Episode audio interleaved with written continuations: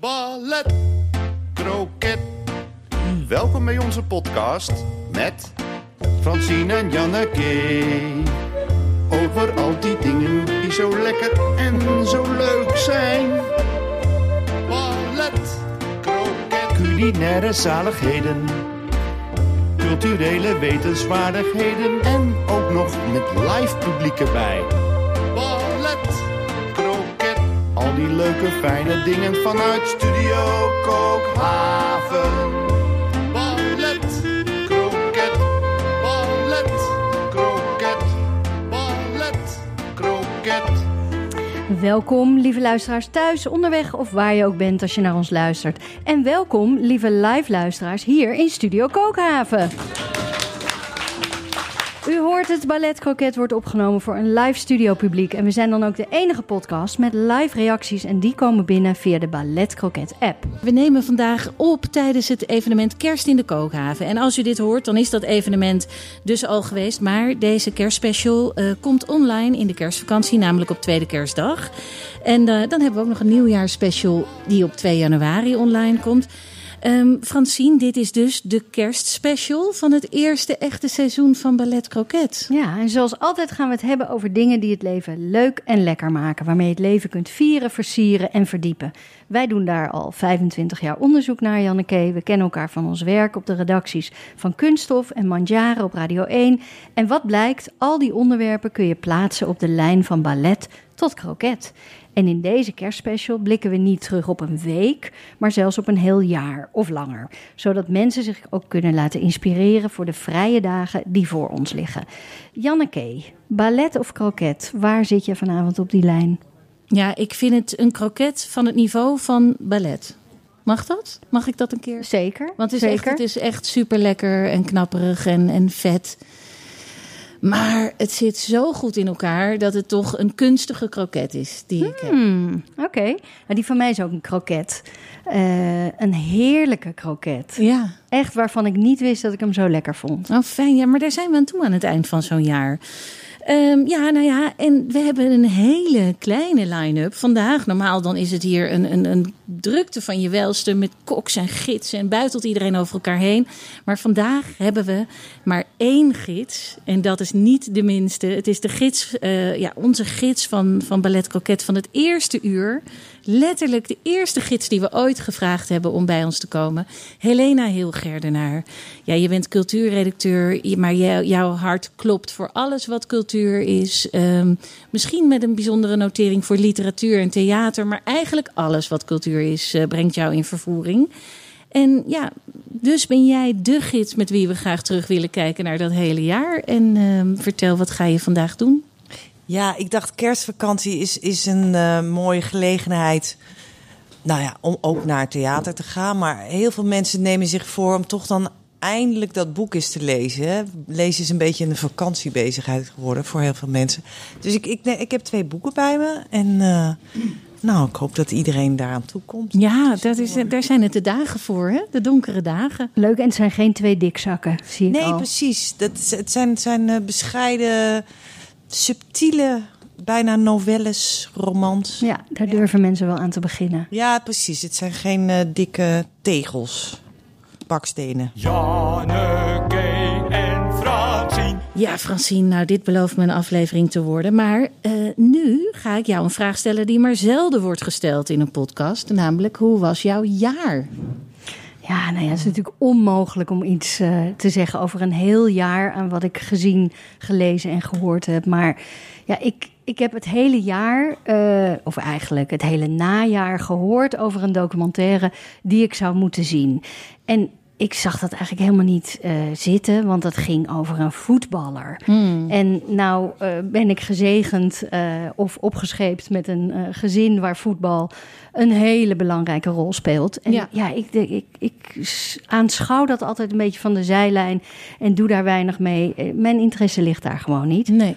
Ehm, maar dit is een documentaire over Beckham. Ja, Nou ja, en daar hoor ik dus mensen over die zeggen: nee, maar jij juist, jij gaat het geweldig vinden, want het is ja, als documentaire heel erg mooi. Het is niet alleen maar over voetbal en het voetbal wat erin zit is als een soort ballet. hè, daar kun je ook, ja, dat is gewoon van een schoonheid. Eh, geweldig. Dus eh, ja, dat is eigenlijk iets dat is al zo de laatste maanden werd daarover gepraat. Door verschillende mensen die niet wisten. eh, Wat ja, jouw verhouding met voetbal is. Precies. Ja. Ehm, dus ik ben hem gisteravond toch maar eens even begonnen. En nou ja, ik trof mezelf drie uur later aan. eh, want toen had ik al eh, drie afleveringen gebinged van de vier. Eh, want inderdaad gaat het niet alleen maar over een voetballer. Ja, ik had ook een beetje een beeld bij hem. Ja, dat het een hele commerciële jongen was. Mhm. die alleen maar bezig was met, met zijn merk. Ehm, ja, ik kreeg daar een, een staaltje prachtige film voorgeschoteld. Zo mooi opgebouwd. Zoveel archiefmateriaal. Iedereen zat erin. Eh, zijn ouders. eh, nou, Victoria zit daar. Ik, ja, ik, ik weet niet. Ik heb ook bij. Victoria de, Beckham. Ja, bij de Spice Girls heb ik ook mijn ogen dicht gehad. Was ook niet voor mij. eh, en mijn oren dicht gehad. Was gewoon ja, niet, niet, Niet tell iets. me what you want, Nee. what you really, really want. Ja, dat liedje Dat ken ik. Dan ja. weet ik, oh ja, Spice Girls. Maar ik zou ze nooit uit elkaar hebben kunnen houden. Ik zag haar gisteravond vertellen over haar, ja, haar, haar onmetelijke liefde voor deze man. Eh, ja, het was van een oprechtheid en ook een bepaalde naïviteit. Ja, ik vond het geweldig dat ze daar zo dichtbij hadden mogen komen met de camera. Ja, want Eh, David Beckham en, en zijn vrouw Victoria, die, dat zijn natuurlijk... Ja, het is bijna royalty eigenlijk. Ja, Hè? We weten ja. alles over ze via de roddelpers. Eh, zelfs zijn ze ook niet vies van publiciteit eh, geweest. Zeker niet. En ze, ze weten dat ook heel erg uit te buiten. Maar ik vond mezelf dus drie uur later terug. Maar ik vond mezelf ook pratend tegen de televisie. Boos op de pers die ze zo aan het achtervolgen was. Hij is gewoon kapot gemaakt. Ja, het is toch een beetje zoals Lady Di. Ja, daar doet het heel erg aan denken. 90 natuurlijk. Ja, want hij mist dan. Oh nee, hij mist niet een goal. Nee, nou oké, hier. Laat mijn voetbalkennis me Ja. dan weer in de, in de steek. Nee, hij krijgt een rode kaart tijdens het WK in 98. Oh, kan dat? Wat deed hij dan? Eh, Shirt uittrekken of zo? Nee, hij deed- dit is niet goed. Gaf hij deed iemand een klap? dit is niet goed. Nee, nee, nee.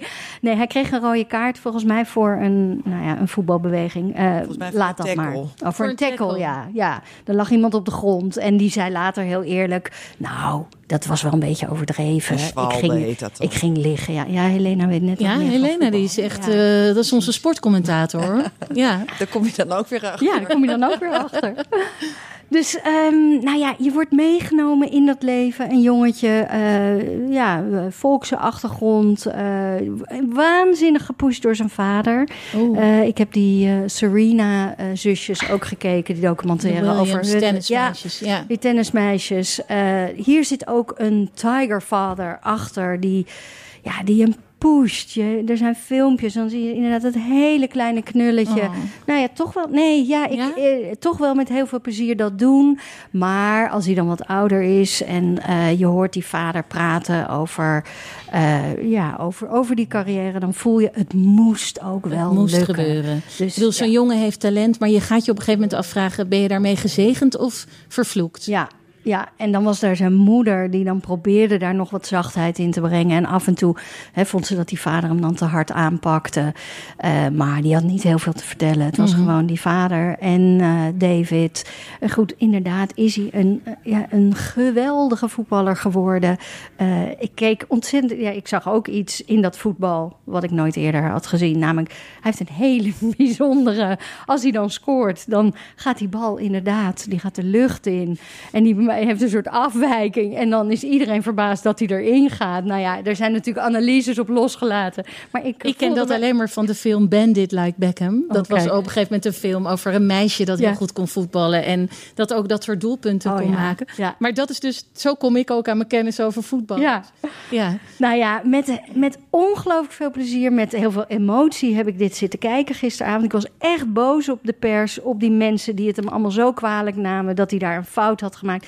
Deze jongen reflecteerde voor het eerst op die periode. Dus deze documentairemaker, ja, nou ja, die had goud in handen. Hij had er eerst helemaal geen zin in om het te gaan doen. Beckham zocht iemand om een documentaire over zich te laten maken. En ehm, deze documentairemaker, uh, Fisher Stevens, uh, die had ook tegen hem gezegd: Ja, ik ga niet een of ander zoet, uh, film, zoet PR-filmpje over je maken. Dus ik heb wel tijd nodig. Ik moet er wel dichtbij kunnen komen. Nou, en dat is hij gaan doen. En doordat hij nooit gereflecteerd had en dat ook eigenlijk niet heel erg gewend was, ja, zie je iemand die af en toe ja, breekt door terug te denken aan de tijd van toen. Uh, maar ook met een bepaalde mildheid naar zichzelf wil kijken en uh, naar zijn liefde voor Victoria. Nou, ik heb nog één deel te gaan. Dus ja, dat wordt Ja, denk want- ik wel smullen ook over. Hè, hij is dan ook. Hè, er is een Zijn sprake van een affaire. ja. Nou, dat zit er nu helemaal Met een Nederlandse in. vrouw, geloof ik. Een Nederlandse zijn, eh. Rebecca Loos, Ja. eh, dat is dan zijn assistente. Eh, hij heeft daarover ook gezegd, want dat is dan het commentaar op de, op de film, dat die affaire er niet goed in zit. Dat het gedownplayed. Ja, en dat, dat deze regisseur zich dus toch een beetje om de tuin heeft laten Mhm. leiden. Terwijl zelf zegt hij daarover, eh, ik, wilde ze, ja, ik wilde ze ook niet in een lastig pakket brengen, want eh, ja, ik vind het eigenlijk helemaal niet zo boeiend eh, wat daar gebeurd is. Dat zegt die regisseur. Dat zegt die regisseur. Ah, ja. En nou ja, ik, op zich denk ik dat ik het daar wel mee eens. Ik heb nu al zoveel gezien. Ik mis het nu totaal nog Nee, niet. maar Eh, ik, ik zit met een grote vraag. ja. David Beckham wilde zelf dat Ja. deze... Wat is daar het motief van? Nou ja, ik denk dat je op een gegeven moment, je bent, je bent kapot gemaakt, je Mhm. bent weer teruggekomen. eh, en je, je komt op een, wat is het, bijna 50.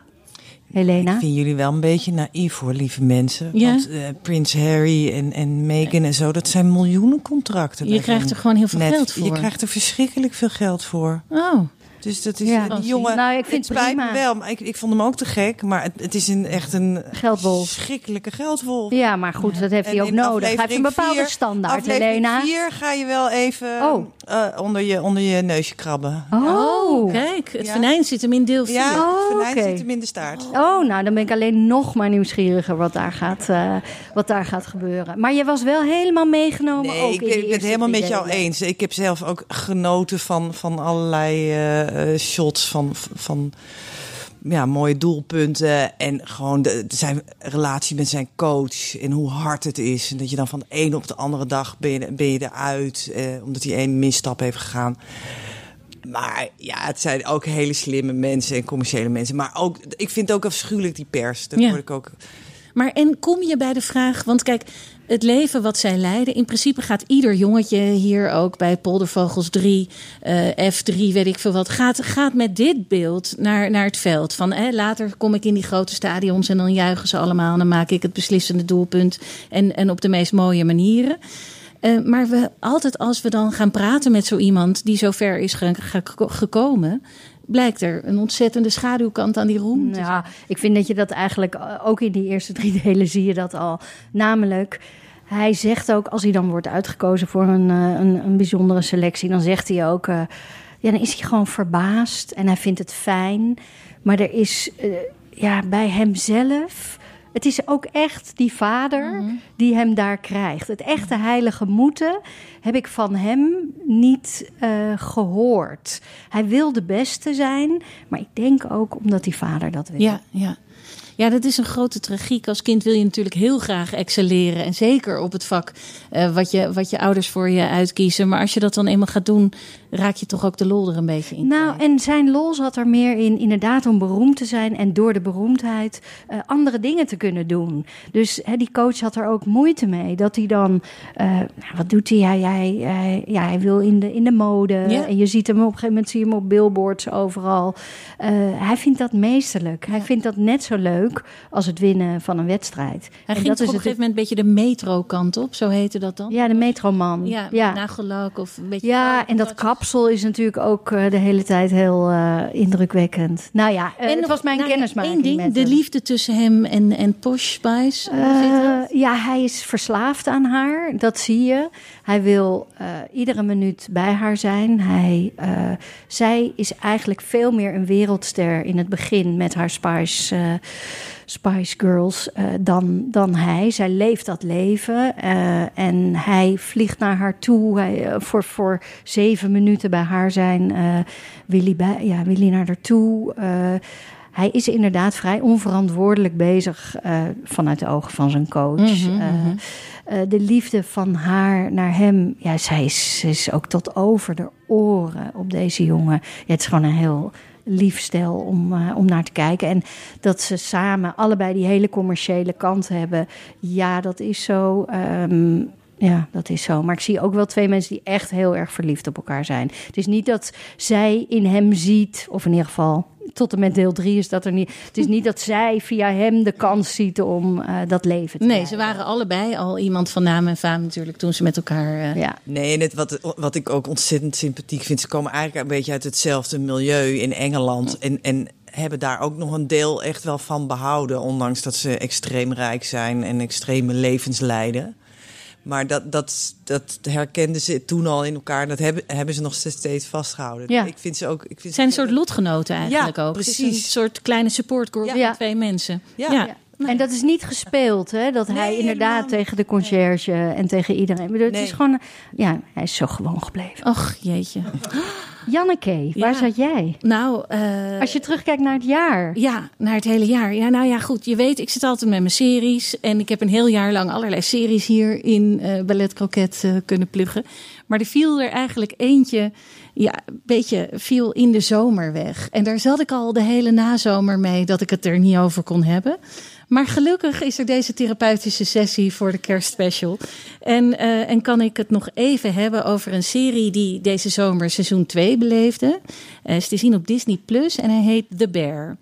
En ehm The Bear gaat over een eh sterrenchef die heel jong, nog een hele jonge up-and-coming Michelin sterrenchef in Chicago, die moet ineens het kleine sandwichzaakje van zijn overleden broer overnemen. En eh, waarom hij dat doet is een raadsel, dat weet je niet. Geen eer aan te behalen, Nee, zou je want zeggen. hij kon zeg maar, hij, hij kookte gewoon echt voor de sterren, met sterren, alles. Maar hij gaat terug naar, ja, je ziet, de, de Chicago is bijna een personage en dan ja, een soort van achter de schermen Chicago. Dus je ziet een keer niet eh, die mooie spiegelende flats met dat water, met zo'n rondvaartboot. Maar je ziet gewoon een hele ja, ehm groezelige achterafstraat. Waar dan eh, een, ehm, een, een, ja, zo'n zo'n hole in de wol-achtig eh, winkeltje zit. Waar je de beste rundvlees sandwiches van Chicago kan krijgen. Althans, hè, die naam hebben ze. Maar goed, als je dan gaat kijken in die keuken, het is daar best wel vies en gruizig. En er staan wat uitgepluste mensen. En ze kunnen het wel heel goed, maar ze kunnen echt alleen maar dat. En ja, je moet niet echt willen weten wat er allemaal gebeurt. En daar komt hij binnen. En, eh, en hij kent die mensen, want het zijn deels mensen met wie hij is opgegroeid. Ehm, en hij heeft geleerd hoe het er in sterrenzaken aan toe gaat. Dus het lijkt oppervlakkig gezien alsof het gaat over dat verschil tussen. ja, een soort ehm, Gordon Ramsay-achtige. Er komt iemand Ja. eh, commentaar lezen. Zo zou je het kunnen gaan zien. Maar waar het eigenlijk over gaat, is dat het gaat over familie. Zowel je biologische familie, waar je mee bent opgegroeid, als de, je gekozen familie, waar je vaak ook mee bent opgegroeid. En eh, dat begint er al mee dat een van die personages, dat is inmiddels een soort ster geworden, eh, die noemt hem de hele tijd cousin. Dus je denkt, oh, dat is een neef. Maar dat is niet echt een neef. Dat is een neef, een gevoelsneef, zou ik maar zeggen. nou ja, en dat eerste seizoen, dat is geëxplodeerd. Dat was meteen duidelijk, dit is een totale hit. Dit is een, een fantastische serie die, ja, die grenst aan, zeg maar, waar series literatuur worden. En dat zie je meteen in het tweede seizoen, want dan hebben zich nog weer wat extra grote namen aangediend om mee te doen. En er zit een, een aflevering in dat tweede seizoen. Dat is eigenlijk een speelfilm verborgen in een serie. Dat is ook ineens een veel langere aflevering. Met Jamie Lee Curtis, die is even opgetrommeld. En die speelt de moeder van deze Carmi. En dan ga je terug in de tijd en dan zie je hoe dysfunctioneel deze familie eigenlijk altijd al is geweest. En dan ben je bij een kerstdiner eh, waar, zij heeft, waar zij zich heeft voorgenomen om seven fishes te koken. En dat is een, ze zijn van Italiaanse kom af ooit, way back when. En dat is een soort traditie die ze achter zich aanslepen. Niemand weet meer precies wat de herkomst is van het zeven vissen diner. Maar zij uh, vat het in ieder geval op dat je zeven visgerechten bereidt. En allemaal met verschillende technieken en verschillende vissen. En zij staat daar en ze is duidelijk van zichzelf zelf al niet de meest stabiele persoon. maar ze neemt ook nog bij ieder eh, scheutje wat in de pan gaat, gaat er ook een scheutje in haar glas. En ze wordt steeds wiebeliger en, en wankeler. En op een gegeven moment is ze, dit vind ik een meesterlijk detail, is ze met haar hand een boterham met kruidenboter aan het insmeren. En, dan, en ze heeft van die nagels, weet je wel, die nog een halve centimeter doorgaan na de, na de vinger of een centimeter. En daarmee is ze die boterham aan het insmeren. En dan wordt ze weer door iemand afgeleid. En dan staat ze, eh, staat ze gewoon minutenlang met haar hele handen onder de boter met iedereen te praten. En je ziet een kookwerkertje wat steeds beduimelder wordt met En is de sfeer eh, beklemmend van, oh wat vreselijk? Ja. Of moet je vooral lachen? Nou, het is al die dingen tegelijkertijd. Dat is echt, dat is de rijkdom van deze serie. Want je denkt op een gegeven moment, maar dit kan toch niet, dit kan toch niet. En je ziet, je ziet echt hoe verschrikkelijk zo'n systeem werkt. Want er komt de hele tijd, er is één dochter in dat gezin. Die komt de hele tijd vragen, mama, gaat het? Maar daar, dat, want die heeft, dat zie je aan het hele gezichtje. Die is, al, die is eigenlijk al haar hele leven lang de moeder van haar moeder. En die komt vragen of het wel gaat. En die moeder weet dat. En dat gaat natuurlijk niet met haar. En uh, dus die, dat werkt enorm op elkaar in. Dan moet iemand die dochter weer gaan troosten. Nou ja, er is een zwangere schoondochter die misselijk is. Uh, die, die cousin loopt rond. Een stiefvader. Fantastische rol van Bob Odenkirk. Uh, die je misschien kent van Better Call Saul en van Breaking Bad. Ja. Weet je wel, die, die man met dat ja, fantastische gezicht. Waar je, waar je allerlei personages van kan maken. En die speelt hier zo'n klootzak van een stiefvader, maar die het ook maar een beetje probeert, weet je wel. De hele tijd ja, de pijn nog even extra onderstreept en aan iedereen opdient. Ja, het is fantastisch. Ook de nachtmerrie. De nachtmerrie die die vrouw beleeft. We staan er nu nog, hè, als mensen dit luisteren, zijn bijna alle kerstdiners geweest. Maar wij staan er nu nog voor. Het kan nog goed gaan. Ja, maar dat je dus, je hebt een veel te grote klus aangenomen. Zeven visgerechten. En het hele huis zit al vol. En iedereen, er zijn ook twee neefjes die sporen niet helemaal. Die zijn al helemaal volwassen, maar die sporen nog steeds niet. En die komen die keuken ingerend op zoek naar een skateboard. En de hele tijd zet iemand een bakplaat neer en dan dondert er weer wat om. Het is gewoon één grote culinaire ramp die zich daar aan het voltrekken is. Uh, terwijl er natuurlijk eigenlijk een persoonlijke ramp Precies. Uh, plaatsvindt. En je ziet van, ah, daarom komt hij ook niet los van dit systeem. En daarom gaat hij terug om die sandwich op te redden. Nou ja, dit speelt tegen de achtergrond van al die andere afleveringen in seizoen 2, waarin je eigenlijk alle personages uit de keuken, uit, uit dat restaurantje, zichzelf ziet ontwikkelen. En nou, er gaat er één vanuit dat kleine uh, sandwichshop, gaat naar Kopenhagen. En die gaat daar, uh, nou ja, niet bij Noma, maar bij zo'n soort restaurant uh, het vak leren. En dan echt, ja, uh, dat is gewoon compleet andere business. Maar je ziet dat iedereen, er wordt ineens in iedereen geïnvesteerd. En je ziet, er schuilt in iedereen een chef. Ze noemen elkaar ook op een gegeven moment allemaal chef. Echt zoals in een keuken gaat. Ja, het is werkelijk. Het, het, het, je zou kunnen denken van: oh, dit is een soort lofzang op, uh, op, op gastronomie. Maar dat is, dat is alleen maar het decor. Dat is eigenlijk alleen maar het decor waarin dat verhaal zich afspeelt. Helene? Ja, nou, ik heb het wel eerder voorbij zien komen. Maar waarom heet het dan De Beer? Ja, dat is, ja, ik kan het niet helemaal gaan uitleggen, want dan, dan heeft het geen zin meer om te gaan kijken. Um, het is een, uh, een soort allegorie, een beer. Een beer wil je natuurlijk knuffelen, maar is ook heel gevaarlijk. En met één zwiep ben je er geweest. En dat is precies wat er in zo dit systeem van deze familie zit. Iedereen is super opvliegend en, en, en uh, vliegt ook uit de bocht. Um, en het restaurantje heet eerst Beef, heet eerst de Beef. En dat is dan eigenlijk een groter, een groter uh, titel. Maar je ziet eigenlijk alleen maar dat woordje beef. En uh, in het tweede seizoen gaat het uh, daadwerkelijk de Bear heten. Maar ja, het, het, je weet helemaal niet. Dit is, dit is het goede van dit soort series. Je begint eraan. Je weet helemaal niet waarom al deze mensen doen wat ze doen. En het is ook niet zo dat er dan zo'n opzichtig personage komt vragen van... Uh, hè, uh, oh, is het je neef? Nee, dat is mijn neef niet. Nee, je, je, je mag er langzaam achter pas komen. langzaam achter. En oh ja, die acteurs, uh, ook die Carmi die de, die de hoofdrol speelt... en zijn neef, tussen aanhalingstekens... dat zijn mensen die zijn niet knap, maar die zijn mooi. Weet je, dat je wil dus heel erg naar die koppen blijven kijken. En het is, ja, ze zijn zoals, weet je wel, zoals klassieke standbeelden. Die kunnen ook een soort heel lelijk gezicht hebben als je er naar kijkt, een beetje zo, zo niksig. En dan kijk je vanuit een andere hoek en dan is het ineens een, een gebeeldhouwd kunstwerk. Zo zijn die koppen van die mensen, zo zijn hun karakters. Ja, het is gewoon. Je moet niet eh, twijfelen. Eh, als je nou denkt, ik heb nog één streamingsdienst niet en ik wil even een maandje erop om iets te kijken. Neem dan Disney Plus en kijk naar de Bear. Dat Nou, is mijn deze, moet, deze moeten wij eh, denk ik allebei zien, Helena. Ja, heerlijk lijkt het me. Ah, gelukkig. Ik zie. Dingen met dik. Dingen met dik. Dingen met dik. Dingen met dik. Dingen met dik. Dingen met dik.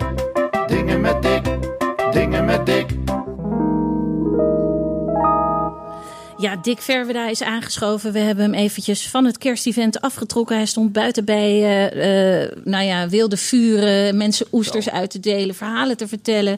Oosterschelde, het woord is weer gevallen. Ja. Eh, maar Dick, we zitten hier in de reclame-rubriek. Want Ballet Croquet is een onafhankelijke podcast. En het eh, wordt helemaal mogelijk gemaakt door fantastische merken die ons sponsoren. En jij komt daar altijd zo mooi over vertellen. Ja, en deze keer wellicht ook. Alleen eh, nu ook een beetje in de, de, de bedanksfeer. Hè? Want we naderen het einde van het jaar. Het is eh, kerst. Dus ik, ik wou nu met name even de merken die ons steunen. Waaronder dus de Hermigin en Fever Tree Tonic. Ja. En daarbij hebben we natuurlijk eh, dan onszelf hier in de kookhaven. Die wil ik ook heel bedanken dat we hier Ja. mogen zitten. Wat aardig. Ja, Dick die zichzelf bedankt. Nou, daar kunnen mensen ook een voorbeeld aan nemen. Bedank jezelf eens je vaker. Ja, Ja, dat doe ik dat je graag. zegt bedankt dat je deze dag mogelijk hebt gemaakt. Nou Gewoon ja. tegen jezelf. Ja, je kan dat tegen de hogere macht zeggen, maar je kan jezelf ook bedanken, want je doet het allemaal zelf, hè, Ja, als je uiteindelijk. toch aan het bedanken bent, vergeet jezelf dan niet. Nee. zeker. Kookhaven, fantastische locatie. En, en natuurlijk eh, Don Ostra, eh, die, die eh, buiten nu de oestertjes staat uit te delen met de Hermigin en het verhaal. En allemaal blije gezichten. En daar doen we het voor. Daar doen we het voor en daar zijn we dankbaar voor. Daar zijn wij dankbaar voor gedurende de hele kerst en het komende jaar ook. Want ik, ik heb gehoord dat ze... Oh, ze gaan door. Ja, gaan dat ze is sowieso door. Hè? En eh, nou, het enige wat we moeten doen is af en toe iemand bijzoeken. Maar ja, dat gaat ook lukken, Er want- is ruimte voor andere sponsors. De- onze huidige sponsors laten ons niet los. Nee, maar ja, nee. geef ze ook eens ongelijk, want eh, ja, die zitten... die, die, die, gaan straks, verkoopcijfers eh, die gaan echt... Die, Die gaan- vliegen straks allemaal naar de grond. Bahama's. Want eh Ballet dat heeft dus, ze geen windeieren Ik, ik, ik ben bang dat we binnenkort ook een bedankje krijgen. Ja. Ja. Nou ja, eh, maar dat is hartstikke mooi nieuws. Wij laten jou gauw weer verder, want Ja. je hebt je, hebt je Maliënkolder handschoentje Ja, nog kijk, om. het is, het- want het, het het, het, oestertijd. Ja. Ja, ja, ik ga gauw weer naar de mensen terug. dankjewel Dick. Dingen met dik. Dingen met dik. Dingen met dik. Dan gaan we naar Helena, onze gids van deze kerstspecial. Ja, nou ja, een tijdje geleden zat ik hier ook. En ik heb toen eh, heel enthousiast verteld over de voorstelling van Janneke de Bijl. En het was haar derde cabaretprogramma. En ja, wat ik heel mooi vond waren haar tragicomische verhalen. En, en ze is filosoof ook. Ze heeft een soort stoïcijnse filosofische toon. En ze heeft ook iets ongemakkelijks. Iemand die grappig is, maar ook weer niet. En ik dacht, ik kan een fragment laten horen uit haar voorstelling. Daar heb ik eh, toestemming voor gekregen. En wat even belangrijk is om te weten voordat we gaan luisteren, is dat ze in de voorstelling heel veel vertelt over de dood van haar vader. Hij is omgekomen door een eh, heel suf motorongeluk toen Janneke 15 was. En Janneke is nu 41. Maar daar vertelt ze veel over in al haar voorstellingen, maar ook dus in de derde. En ze vertelt over hoe dol ze is op katten en honden. En ze heeft een enorme redderssyndroom. Dus ze haalt de hele tijd de allerzieligste katten uit het, eh, uit het asiel. Degene die niemand wil hebben, hè? dus de minst knappe katten. Ik ging laatst eh, naar de psycholoog, omdat mijn kat was doodgegaan. Maar nee, het was echt zo. Ik had een eh, kat. Uh, dat is niet Poek of Bink trouwens. Dat was een kat die ik daarvoor al had. was ook een bange kat. En die kat is helemaal, eh, was helemaal opgebloeid. Maar toen gingen we op vakantie. En toen heeft hij buiten heeft hij een ongeluk gehad. En toen is hij in de bosjes gaan liggen. En toen hebben ze hem dagen later pas gevonden. En toen leefde hij dus nog. En er waren allemaal maden waren in die wonden gekropen. En toen heeft hij nog op zijn laatste krachten geprobeerd de medewerkster van de dierenambulance aan te vallen. Maar toen heeft zij toch gewonnen en toen heeft hij een spuitje gekregen. En ik kon gewoon alleen maar denken, ik had nooit op vakantie moeten gaan. Die schuldgevoelens, die gingen niet meer weg. Dus ik denk, nou ja, dan toch maar naar een psycholoog. Maar ik kom daar aan, ik zie die vrouw en ik dacht meteen van... oké, deze vrouw gaat nooit begrijpen dat je echt zo verdrietig kan zijn om een kat.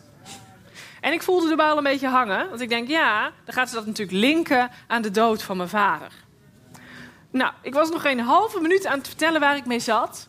Toen zag ik haar zo op dat intakeformulier kijken. Toen begon ze helemaal een beetje te glunderen. Toen zei ze, aha, gaat jouw verdriet eigenlijk niet over de dood van je vader? Ik zeg, nee, ik zeg, het gaat mij om die kat. Ik zeg, dood van mijn vader is heel lang geleden. Dat heb ik al lang verwerkt. Ik zeg, en trouwens, die kat die was drie, hè? Terwijl mijn vader, die was al 46. Die had al een heel leven achter de rug. Vond ik zelf heel leuk. Uh, vond zij niet zo leuk. En uh, ze vond het ook niet overtuigend. En toen was het ergste ook nog... Toen ontdekte ze ook nog dat die kat en mijn vader... allebei Anton heten. En ik had aan haar uitgelegd. Ik zeg, dat is toeval. Want die kat, die heb ik uit asiel gehaald. En die heette al zo. En ik mag van mezelf nooit die namen van die dieren veranderen. Dat vind ik altijd zo ijdel. Ja, dat gaat alleen maar over jezelf, toch? Van, oh kijk, mij eens een goede smaak hebben. Maar die psycholoog die had haar oordeel al klaar. Er was niks meer met haar te beginnen. Die dacht gewoon dat ze beter had. Dus ik denk, nou ja, dan ga ik het spelletje ook maar gewoon meespelen. Dus toen zei ik tegen haar, ik zeg, en trouwens... ik noemde die kat nooit Anton. Ik noemde hem altijd papa.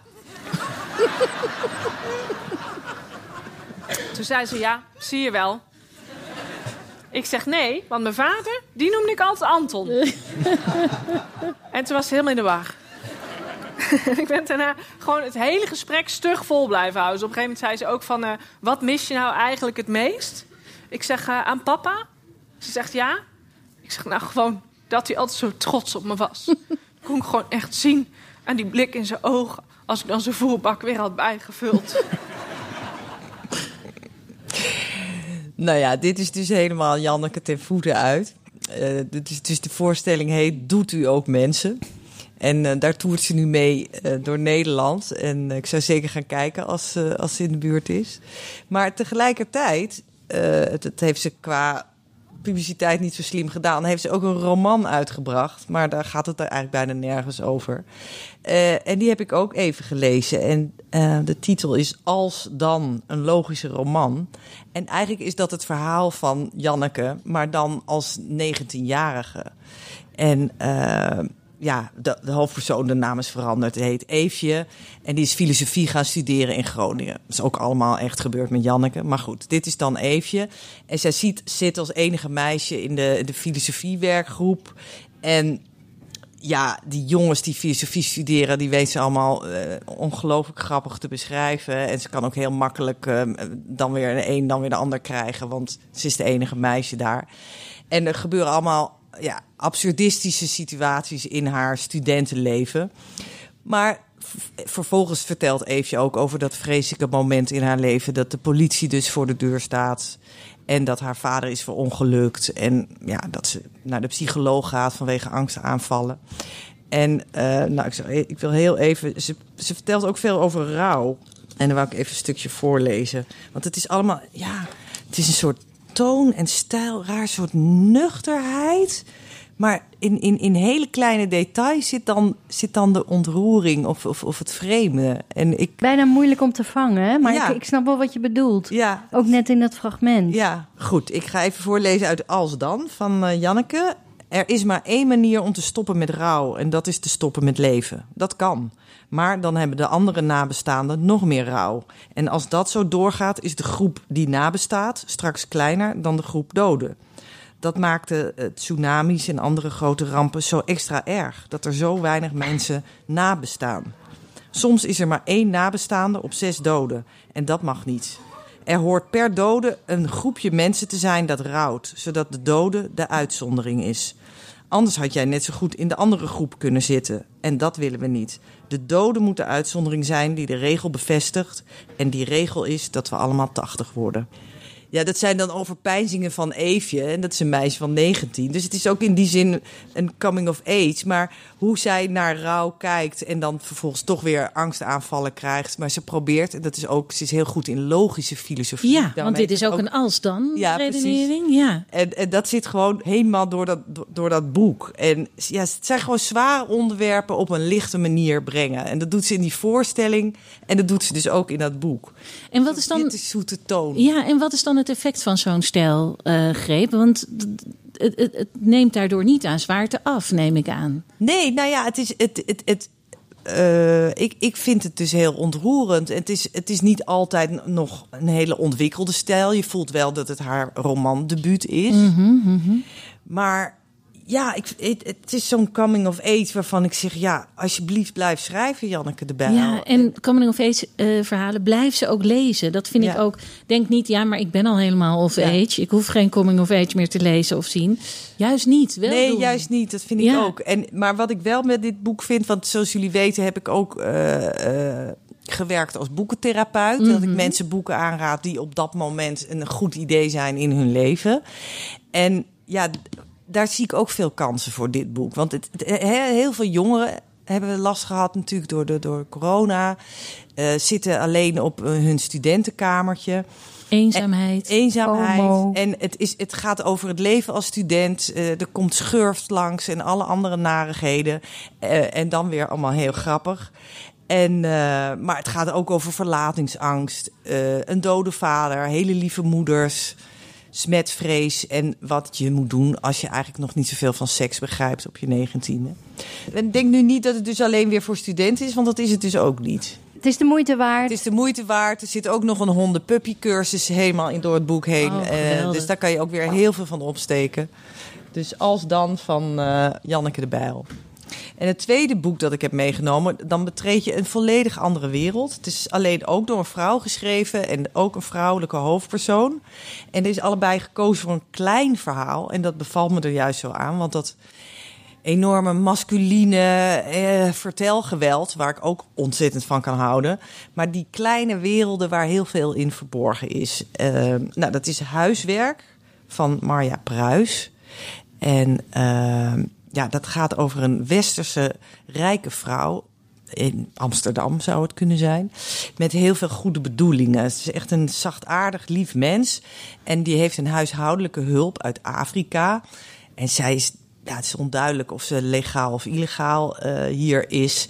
En nou ja, ze gaan heel vriendschappelijk met elkaar om. En natuurlijk, deze westerse vrouw voelt zich eigenlijk continu schuldig. En komt aan met cadeaus en gaat er met alles helpen. Totdat er eh, geld verdwijnt uit haar huis. En eh, ja, dan blijkt dat er toch wel een heel groot verschil is tussen een rijke witte westerse vrouw en een arme zwarte schoonmaakster. Want ze wordt je- meteen gewantrouwd. eh, wat zeg je? Ze wordt meteen gewantrouwd. Ja, ze wordt gewantrouwd. Kan eigenlijk alleen maar haar zijn geweest. En het ja, bouwt zich dan toch ook op met een zekere spanning. Dat je dan ook wil weten, heeft ze het nou wel of niet gedaan? Het krijgt een hele rare wending. Maar wat het mooie is, is dat je heel erg in het, in het hoofd van iemand komt die we allemaal best wel goed kennen. Tenminste, ik herkende mezelf er wel in. Dat je denkt dat je het allemaal best wel goed doet en goed voor elkaar hebt. Maar dat twijfelen over jezelf. Ze heeft gewoon een hele sterke moraal. En daar gaat dit boek over. Over wanneer doe je nou goed? Wat, wat zijn goede bedoelingen eigenlijk? En spaart zichzelf niet daarin. En spaart zichzelf niet daarin. En gaat echt helemaal in alle hoekjes van haar hoofd zoeken hoe ze hier nou mee om moet gaan. En hoe verhoud je je sowieso tot een werkelijkheid? Hoe kan je eigenlijk nog een, een, een lekker gelukkig leven met oesters leiden. Terwijl je elke dag de werkelijkheid ziet binnenkomen. Waar iedereen ongeveer op drift is. En dat is zeg maar haar, haar dilemma. En, en ik, nou, ik kan me voorstellen, de- je- bent ook op een gegeven moment een beetje immuun. En denk, ja, sorry hoor, ik ga gewoon lekker mijn kerstfeestje vieren. Maar zij is in Gaat de het nu over ons? Het gaat heel erg over jezelf. Het is een enorme spiegel, de- Mhm. dit boek. Maar het is niet irritant, pamfletistisch, eh, helemaal niet juist. Want ze doet het heel goed, maar het is heel erg eh, op, op een soort. eh, Het is een soort inconvenient truth eigenlijk zoeken. En is dit puur een gedachteoefening van haar? Ja. Weet je dat? Of, of heeft ze zulke dingen ook eh, echt meegemaakt met hem? Ik, ik heb het gevoel, en ik ben niet heel erg. eh, ik weet niet heel veel van het oeuvre van Marja Pruis, maar. Het, het, het, is, het ligt heel dicht bij haar wat ze schrijft. En ze schrijft ook heel veel essays. Ze werkt bij de Groene Amsterdammer. En eh, ze is heel erg ook bezig met feminisme. Maar allemaal op een hele milde, bijna huppelende toon. Heel prettig en, en niet drammerig, dwingend. Ik vind het een hele fijne schrijfster. Ik heb zin ook om andere boeken van haar te lezen. Ja, ze is heel erg leuk. We hebben haar ook wel eens ontmoet, hè? Ja, ik ben fan. Ja. Ehm, Oké, nou, eh, ongemakkelijke vraag om aan jezelf voor te leggen. Coming of age in een als-dan logica vervat. Eh, dit zijn dijken van tips voor eh, de komende dagen, Helena. Dank je wel. Dit was kerstspecial nummer 1 van Ballet Croquet. We danken onze hoofdgast en gids van het eerste uur, Helena Hilgerdenaar. Grote dank en een extra groot hartje aan de Ballet Croquet Huisband onder de tweekoppige leiding van Arend Bouwmeester en Matthijs Groené. En even zoveel liefde voor Lone Palsen, de kok die uit het noorden kwam en ons vandaag verzorgd heeft. Kijk op www.shecamefromnorth.com voor al haar activiteiten. Ballet Croquet werd opgenomen voor een live studio publiek. En wilt u ook een keer komen kijken en genieten van live muziek en goede sfeer? Dat kan. Vanaf 8 januari kunt u weer wekelijks op maandagavond bij ons komen kijken. Stuur een mail naar alles@balletcroquet.nl. En wilt u adverteren in onze podcast? Dat kan ook. Mail alles@balletcroquet.nl. En is mailen nou eenmaal niet meer helemaal jouw ding? Kijk dan op Insta @balletcroquet en stuur ons een DM'tje. Met grote dank aan de meest gastvrije Fries in Amsterdam, Dick Verweda van Studio Kookhaven. Wij gaan weer grazen. Een hele fijne kerstvakantie nog en tot in het nieuwe jaar. En onthoud, alles is. Ballet, kroket. Zo, nu een kroket.